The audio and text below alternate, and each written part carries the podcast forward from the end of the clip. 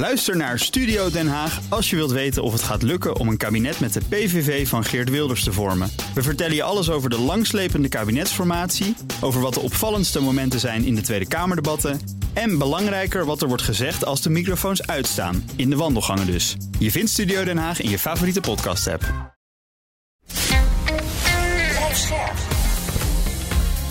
BNR Nieuwsradio. Boekenstein en de Wijk. Hugo Reitsma. Welkom bij Boekenstein en de Wijk. Het is woensdag, dag 714 van de oorlog in Oekraïne. Uh, op de grond zie ik, Oekraïne noemt de situatie in Afdivka nu zelf ook kritiek. Dat is uh, het zuiden van de Donbass, we hebben het daar vaak al over gehad. Oekraïnse Special Forces hebben een olieplatform in de Zwarte Zee opgeblazen dat de Russen gebruikten voor de lancering van drones. Vanochtend tijdens de ochtendspits heeft Rusland raketaanvallen gepleegd op meerdere steden, waaronder Kiev. Delen van de hoofdstad is de stroom uitgevallen. Dat is allemaal nog maar net gebeurd. Ze hebben nog niet alles op een rijtje, denk ik. In Polen zijn in reactie op al die Russische activiteiten in de lucht uit voorzorg F-16's de lucht ingestuurd.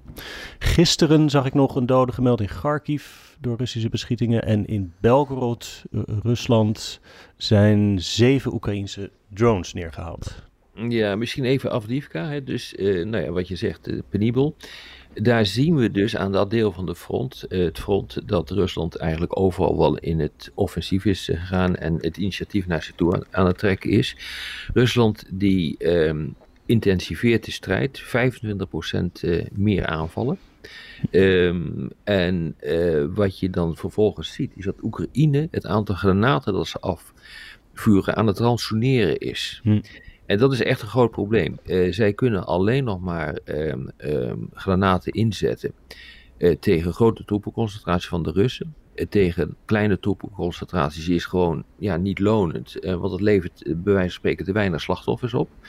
Ehm, dus dat betekent dat de Russen zich ook aan het heroriënteren zijn over hoe ze dit moeten aanpakken. En dus niet meer grootschalig aanvallen, maar met kleine troepenconcentraties die minder kwetsbaar zijn. Omdat die Oekraïners ja, eigenlijk gewoon onvoldoende munitie hebben. En tegelijkertijd worden de Oekraïners zelf elke dag bestookt met, met 1500 tot 2500 explosieven of raketten. Mm -hmm. Dus het is echt de hel op aarde wat er uh, gebeurt. Hè? Er is nog een, een, bericht, we hebben enkele maanden geleden ook over gesproken. Echt een heel merkwaardig bericht. Er schijnen dus echt Oekraïnse special forces te vechten in Soudaan. Hè? En uh, Wagner steunt dus een andere warlord daar. Hè? Ja, ja. Maar zij st steunen dus Al-Burhan. Uh, en Zelensky schijnt dus september vorig jaar in Ierland met die Soedanese legerchief Al-Burhan gesproken te hebben. Ja, wat, wat, heeft, wat, is, wat heeft hij nou wat heeft het voor zin?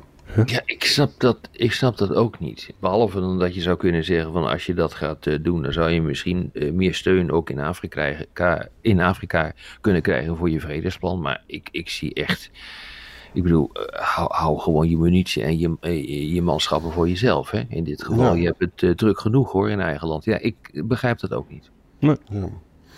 Je zei eigenlijk al nog iets over die kerncentrale. Daar hebben we al lang niet over gehoord. Dat, dat ja, is, dus, er staat vanmorgen opeens weer een bericht. Uh, die meneer Grossi, weet je wel, die gaat daar weer naartoe. Die maakt zich bezorgd.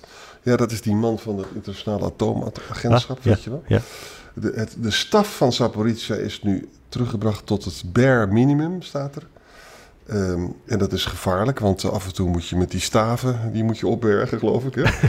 Zoiets. de, uh, we hebben er wel eens een uitzending aan gewijd dat het allemaal misschien toch wel meevalt. Maar nu, nu, er verschijnen nu allemaal weer rapporten dat het gevaarlijk zou zijn. Ja. Hm. En, nou ja, als over gevaarlijk gesproken, dus uh, er komen steeds meer berichten naar boven. Dat Noord-Korea uh, ballistische raketten levert, die worden ingezet. Mm -hmm. uh, maar die relatie tussen Noord-Korea en Rusland wordt wel echt steeds hechter.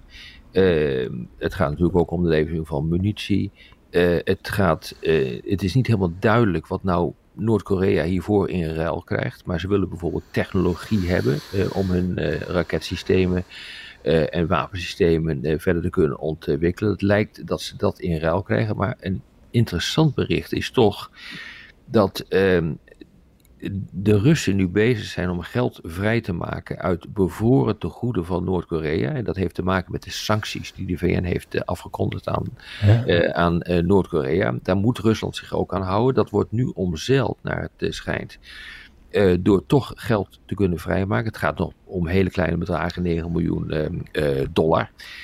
maar wat we nu ook zien is dat Noord-Korea een bedrijf toestemming heeft gegeven om een bankrekening bij een Russische bank te, gaan, te gaan openen.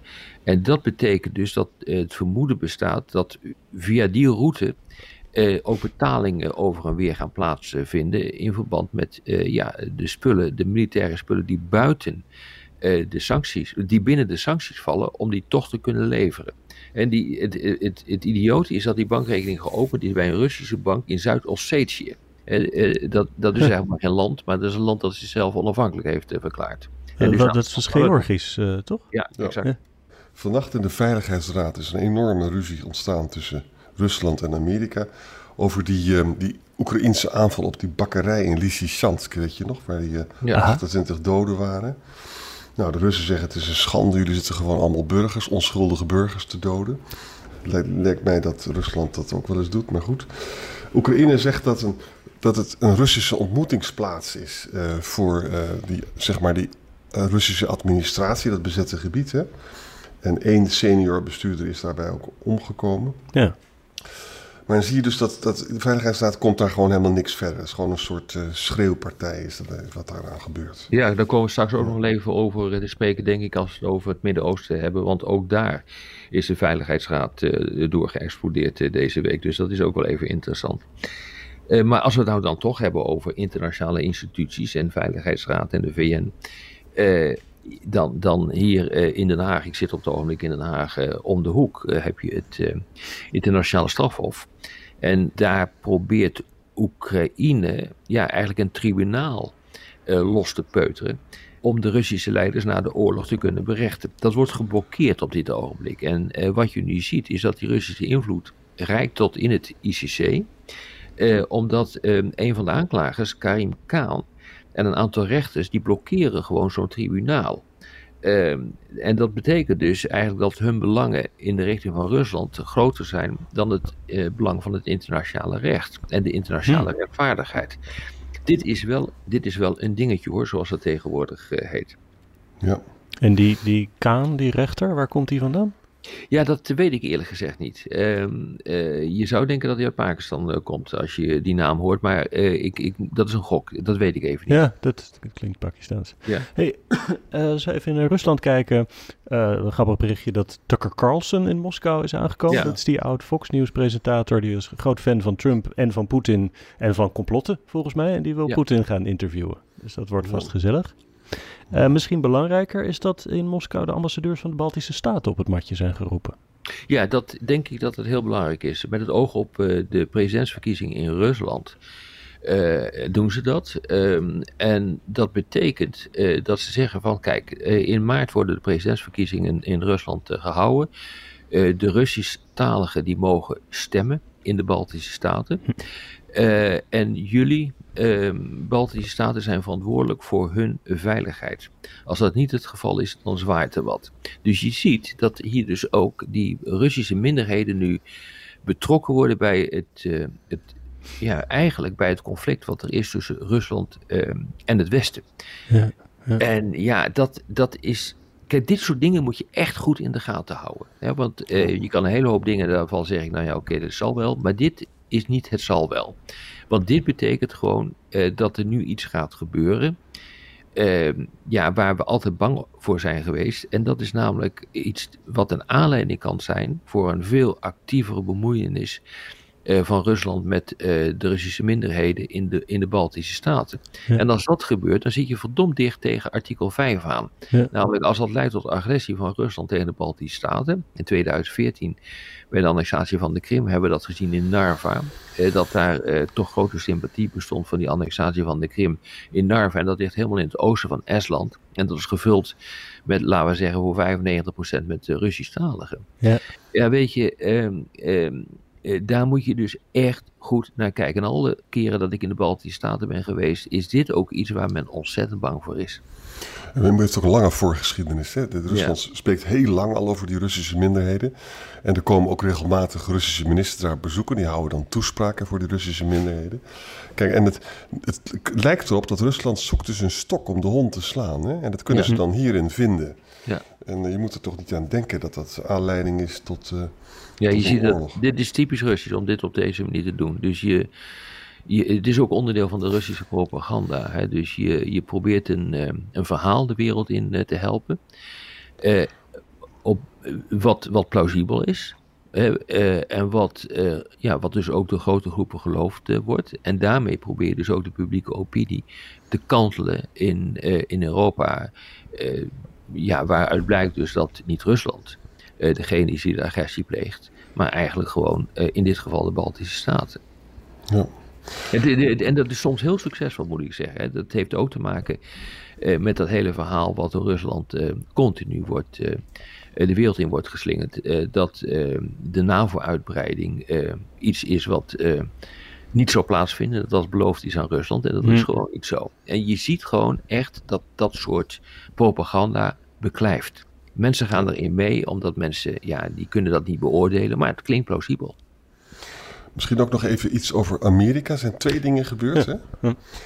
Uh, een panel met drie uh, rechters hebben gezegd dat Trumps claim voor immuniteit, uh, voordat ze verkiezingsresultaat niet accepteren, dat dat dus verworpen is. Hè? De kapitoolbestorming ging dat om, toch? Ja. En, en, dat betekent dus dat Trump die zal naar de Supreme Court gaan. En die zal bepalen of die Trump-rechtszaak dan voor de verkiezingen in november zullen plaatsvinden of daarna. Nou, dat moeten we volgen. En, en er is nu nog meer informatie over de dysfunctionele politiek in de VS ten aanzien van die grensveiligheid en de Oekraïne-steun. Mhm. De Republikeinen hadden een val gemaakt voor de Democraten. En die zeiden: Weet je wat, wij gaan gewoon die steun aan Oekraïne verbinden we aan een ongelooflijke strenge uh, grensveiligheidswet die de Democraten nooit kunnen steunen. En hoeven wij dus ook geen geld aan Oekraïne te geven. Hè? Nou, wat is er gebeurd? Uh, de Democraten hebben dat geaccepteerd. Die hebben concessies gedaan. Alle concessies die maar denkbaar zijn over de grensveiligheid. Waardoor dus die hulp aan Oekraïne vrij zou moeten komen. En toen hebben dus de Republikeinen uh, een terugtrekkende beweging gemaakt. Ja, die hebben gezegd ja en je moet je realiseren, Arjan. Uh, we hebben eerder deze week erover gesproken dat uh, het huis een aparte wet, de Republikeinen in het huis, een aparte wet voor steun aan Israël hebben ingediend. Ja van 17,6 uh, eh, miljard. En daarmee proberen ze dus dat hele bedrag, die 118 uh, miljard dollar, uh, voor die steun aan Israël en Oekraïne, maar ook aan Gaza, van tafel te krijgen. Ja. En dat is gewoon niet gelukt. En er verschijnen dus nu ook stukken, ook Gideon Rackman en de FT, dat, dat het Amerikaanse geld komt er gewoon niet. Nee, dat is dan de conclusie, toch? Als de Republikeinen er zo in zitten, dat het gewoon niet gaat gebeuren. Ja, Trump, ze luisteren dus naar Trump, die wil helemaal alles vastzetten om dan Biden daarmee uh, een verkiezingsnederlaag uh, te, te, geven. Maar ja, dit, betekent gewoon uh, dat Europa het alleen zal moeten doen. En die stukken zie je ook verschijnen. Timothy Carter en Ash. Nou moet Europa dus Europese defensiegemeenschap maken. Wat ja. in 1954 mislukt is, weet je nog? Ja. Dit zijn wel historische tijden. Kijk, kijk even dus naar de bedragen. dus inmiddels uh, is de Europese steun aan Oekraïne veel hoger dan de Amerikaanse steun. Dus inclusief de 50 miljard die net is, uh, uh, waar toen net is besloten in, in Brussel. dat is die roemruchte toestand met Orbán. is het pakweg 138 miljard euro dat in de richting van Oekraïne gaat en is gegaan vanaf 24 februari 2022. Amerikanen, eh, daar blijkt de, stel, de, eh, de teller steken op 113 miljard. Dus het hangt er nu helemaal vanaf eh, wat, er gaat, eh, wat er gaat gebeuren. Maar het belangrijkste is natuurlijk dat die Amerikaanse steun enorm hard nodig is voor de levering van wapensystemen. Ja. En, en de, de, de, belangrijke wapensystemen van Abrams tanks of Patriot systemen, ja, die komen echt uit Amerika. Maar ook de productie van uh, granaten die in Amerika plaatsvinden is ook cruciaal. Hè? Dus uh, afhankelijk van wat de Senaat gaat doen, uh, moet hij dus, wordt er een besluit genomen om die granaten op de, de, productie op te krikken. En op dit ogenblik zijn het er pakweg 28.000 per maand die worden ge gefabriceerd. Dat is echt heel weinig hoor. 28.000 per maand, dat schiet er in een paar dagen doorheen in Oekraïne. Ja. Uh, en dat moet nu worden opgekrikt uh, naar pakweg 100.000 in oktober 25. dus, en oktober 25, dat is ruim anderhalf jaar van nu. Daar zijn, we, daar zijn we nog lang niet. Terwijl dus, Oekraïne nu met een acuut munitietekort zit. Ja, maar de NAVO zit natuurlijk ook met een acuut munitietekort als deze boel verder escaleert. En er is natuurlijk ook een probleem op dit ogenblik in, in het Midden-Oosten. Dus munitie is het geweldige probleem. En je ziet dus nu dat Oekraïne fantastische systemen heeft uit het Westen, uit Amerika bijvoorbeeld, maar gewoon de munitie ontbreekt om er wat mee te doen. Ja. Uh, Poetin kan zijn geluk niet op met Trump uh, daar in Amerika. Ja. Ja, nou ja, dat is natuurlijk ook wat, uh, wat, wat Biden zegt. die zegt van, jullie, jullie spelen Poetin hier zo mee in de kaart, dat dit gewoon echt onverantwoordelijk gedrag is. Het is inderdaad een, een, een, een, cynisme van, van de bovenste plank. En ja, weet je, we gaan het straks over het Midden-Oosten hebben. Hier haalt Amerika zichzelf mee naar beneden dus de status van supermacht wordt hiermee gewoon compleet ondermijnd. Ja, laten we doorgaan naar het Midden-Oosten. Ja. Nou, we moeten misschien even een aantal dingen gebeurt die toch wel heel interessant zijn. Hè? Het blijkt zo te zijn dat uh, de Hamas-leiders, die, jongens in ballingschap, weet je wel, in Qatar, die wisten helemaal niks van die aanval van 7 oktober. Het is allemaal gedaan door die Gaza-leider Yahya Sinwar. Hè? Uh, en dat betekent nu een situatie dat Yahya Sinwar is nu oorlogsmoe en die wil graag een staakt het vuren. Maar Haniyeh, die is dus een balling hè, in Qatar, die wil meer concessies. Dus het is duidelijk dat de Hamas-leiding het met elkaar oneens is. Hm. Ja? Dus het is niet onbelangrijk om dat te weten. Ja. Nou ja, dan is er nog iets van. Uh, er zijn natuurlijk een heleboel mensen die willen graag dat Biden een grotere druk nog op uh, Israël doet voor een staakt het vuren. Allemaal stukken verschijnen daarover. Uh, en ze zijn heel blij dat hij nou dus die Israëlische kolonisten gaat sanctioneren als ze zich misdragen. Hè? Kenneth Roth bijvoorbeeld. Maar dat is onvoldoende. Nou, ze hebben een hefboom gevonden die Amerika nog zou kunnen gebruiken. En dat is, Netanyahu heeft net zoals eh, de NAVO en net zoals Amerika een munitietekort. Uh, en dat zou Amerika nu kunnen gebruiken om Netanyahu te dwingen om een start het vuur te accepteren. Maar dat lijkt er nog niet op. Dat wordt dus voorgesteld door de opponenten in Amerika, zou je kunnen zeggen, hè? en in de wereld. Maar het lijkt er niet op dat Biden dat gebruikt, dat instrument. Nee, voorlopig uh, niet. Maar het is wel betekenisvol, denk ik. Dan realiseer je ook dat er enorme voorraden uh, munitie van de Amerikanen in het Midden-Oosten liggen, onder andere in Israël. Dus ik ben heel benieuwd welke rol die daarin uh, is, daarbij spelen. Maar eh, eh, we hadden het net over de VN, waar gekrakeel was uitgebroken over Oekraïne. Maar dat is deze week ook weer gebeurd over het Midden-Oosten. Want ja. de Chinezen en de Russen die hebben een spoedvergadering geëist in verband met het bombarderen van Amerika van doelen in Syrië en uh, Syrië en Irak. Ja. dat, is, uh, dat was vrijdag voor een week was dat. En ja, rara, wat is dan de beschuldiging? Dit is een schending van de soevereiniteit van een onafhankelijk land. Nou, ik bedoel, ik, ik word er ook wel heel erg moe van. Het is ook het cynisme ten top gedreven. Ik bedoel, deze landen hebben natuurlijk absoluut Amerika niks te verwijten. Want Rusland is een soeverein land binnenge,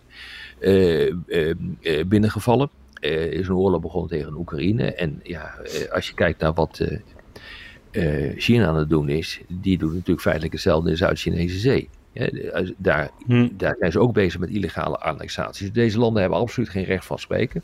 Maar je ziet dat inmiddels gewoon het echt alleen maar gaat om een strijd tussen China, Rusland aan de ene kant en hun handlangers. en Amerika en de bondgenoten aan de andere kant. Het is, dit is echt een, een strijd om ervoor te zorgen dat die wereldorde in het voordeel van China-Rusland eh, verandert. En ja, Amerika en zijn bondgenoten die proberen dat tegen te houden, maar die zijn niet echt op dit ogenblik in staat om dat te doen. En dat komt door de interne politiek van Amerika zelf. Ja. Zeker. Dus eh, Amerika is hierdoor, dat zie je dus nu gebeuren in de VN-veiligheidsraad, dat zie je door dat glazen waar we het net over hadden ehm, in, het, ehm, in het congres. De dysfunctionele Amerikaanse politiek is bezig, dat land is bezig om zichzelf onderuit te halen. Dat is echt onvoorstelbaar hoor. Ja. Er zijn uh, enige gijzelaars uh, dood. En dat is meer dan een vijfde van de 160 gijzelaars die nog in de handen van Hamas zijn. Uh, nou, dit heeft natuurlijk een verwoestend effect op die oneenigheid in de Israëlische samenleving zelf, hè, waarvan de mensen zeggen van die gijzelaars moeten vrij en we moeten eigenlijk die oorlog dus op een andere manier gaan voeren. Hè. Er zijn ook nog geruchten dat er misschien nog uh, een additionele 20 gijzelaars dood zijn. Ja, dit was een inschatting van het Israëlische leger, meen ik. Ja. ja. ja. ja. Nou, IDF heeft tot nu toe één gijzelaar bevrijd, één maar. Drie andere gijzelaars die zijn dus per ongeluk gedood door Israëlische soldaten. Toen ze ja, dat weet ik nog. Ja, ja. ja. En, uh, en een ander punt wat ook belangrijk is: het IDF gaat nu zelf onderzoek doen naar het gedrag van Israëlische soldaten. Dat soms in strijd lijkt te zijn met de rules of conduct, maar ook met internationaal recht. En er staat op de New York Times site een aantal video's van wat Israëlische soldaten daar doen, die ze zelf gemaakt hebben. Wat dan? Ja, nou, nare, uh, nare filmpjes waar, waarbij ze nare dingen doen. Dus, en, uh, dus, dus, het was al heel lang uh, was er druk op het IDF om daar wat aan te doen. En dat gaan ze nu dus doen.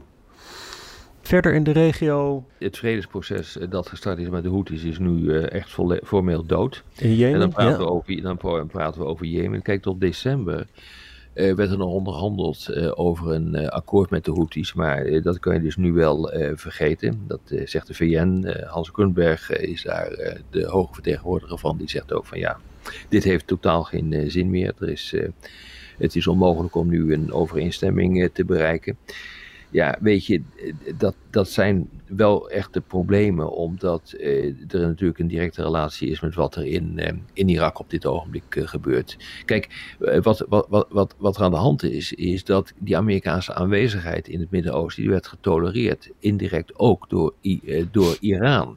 Dat vergeten veel mensen. Maar de, de retoriek is natuurlijk iets anders dan wat er echt wordt gezegd. En kijk, Iedereen heeft een gezamenlijke vijand. Syrië, Irak, Iran. En dat heet IS, Islamitische Staat. Hm. Uh, uh, Amerika heeft uh, een zeer belangrijke rol gespeeld bij het, bij het vernietigen van IS in het, in het Midden-Oosten. En daarom werd ook de Amerikaanse aanwezigheid in Irak getolereerd. De Amerikanen zelf wilden ook wel weg. Maar eh, dat kunnen ze nu niet doen, omdat dat eigenlijk een soort nederlaag is à la Afghanistan, waar ze eigenlijk door de Taliban er ook uit zijn gesodemieterd. Eh, dus dat kun je nu politiek gezien niet doen op dit ogenblik, hoewel er achter de schermen wel eh, overleg plaatsvindt om te kijken hoe die Amerikanen uiteindelijk dat land kunnen verlaten. En gek genoeg ook onder druk van IS, die, god beter, het ook nog eens een keer door IS zelf is aangevallen tijdens die uh, herdenkingsplechtigheid van die generaal van de Republikeinse garde, die Soleimani. Dus, maar even, wie heeft wie toen aangevallen? Ik ben het even uit. De, de, IS-jongens eh, hebben, dus een branche van de IS, heeft die herdenkingsceremonie van uh, Soleimani oh, in Iran. gebombardeerd. Ja, ja precies. Ja. Ja. Dus, je ziet nu dus dat uh, de enige bondgenoot die ze hadden in de strijd tegen, uh, tegen IS, Amerika, die proberen ze nu het Midden-Oosten uit te, uh, te werken. En ze weten dus zeker dat daardoor IS weer gaat opkomen. Ja. dit, ik bedoel, het, dit is de krankzinnigheid en top wat hier gebeurt. Want die Iraanse proxies zijn dus waarschijnlijk niet sterk genoeg om IS eronder te houden. Nee, dat kunnen ze niet. Nee. Ja, dus het is gewoon een ontzettende puinhoop. Ja. Heeft ook grote gevolgen. Hè? bijvoorbeeld de, de regering in Aden, dat is de officieel internationaal erkende regering van exact. Jemen. Hè? Die heeft nu de prime minister ontslagen. En er is nu een hardliner anti-Houthi uh, aangesteld. Met, die luistert naar de naam Mubarak. En die wordt dus bijgestaan door een raad. En een deel van die raad wordt dus gevuld door mensen die zich op Saudi-Arabië richten. En een ander deel op de Verenigde Arabische Emiraten. Je ziet overal die strijd tussen Saudi-Arabië en de Verenigde Arabische Emiraten terugkomen. Ja. De Houthis zelf hebben een succesvolle aanval gedaan op een Brits en een Amerikaans schip. Mhm. Beide niet ernstig beschadigd. Ook nog een derde schip dat niet beschadigd is. Maar dat gaat dus gewoon vrolijk door.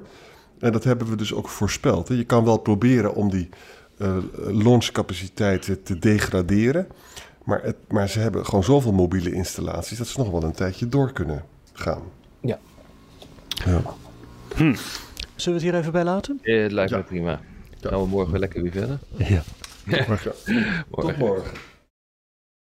Ook Liesbeth Staats vind je in de BNR-app. Ja, heel handig. Luister live naar Kees en mij tijdens de Daily Move Dan blijf je ook gelijk op de hoogte van breaking news en het laatste zakelijke nieuws. En daar vind je ook alle BNR-podcasts, waaronder de Perestrooikast. Download nu de gratis BNR-app en blijf scherp.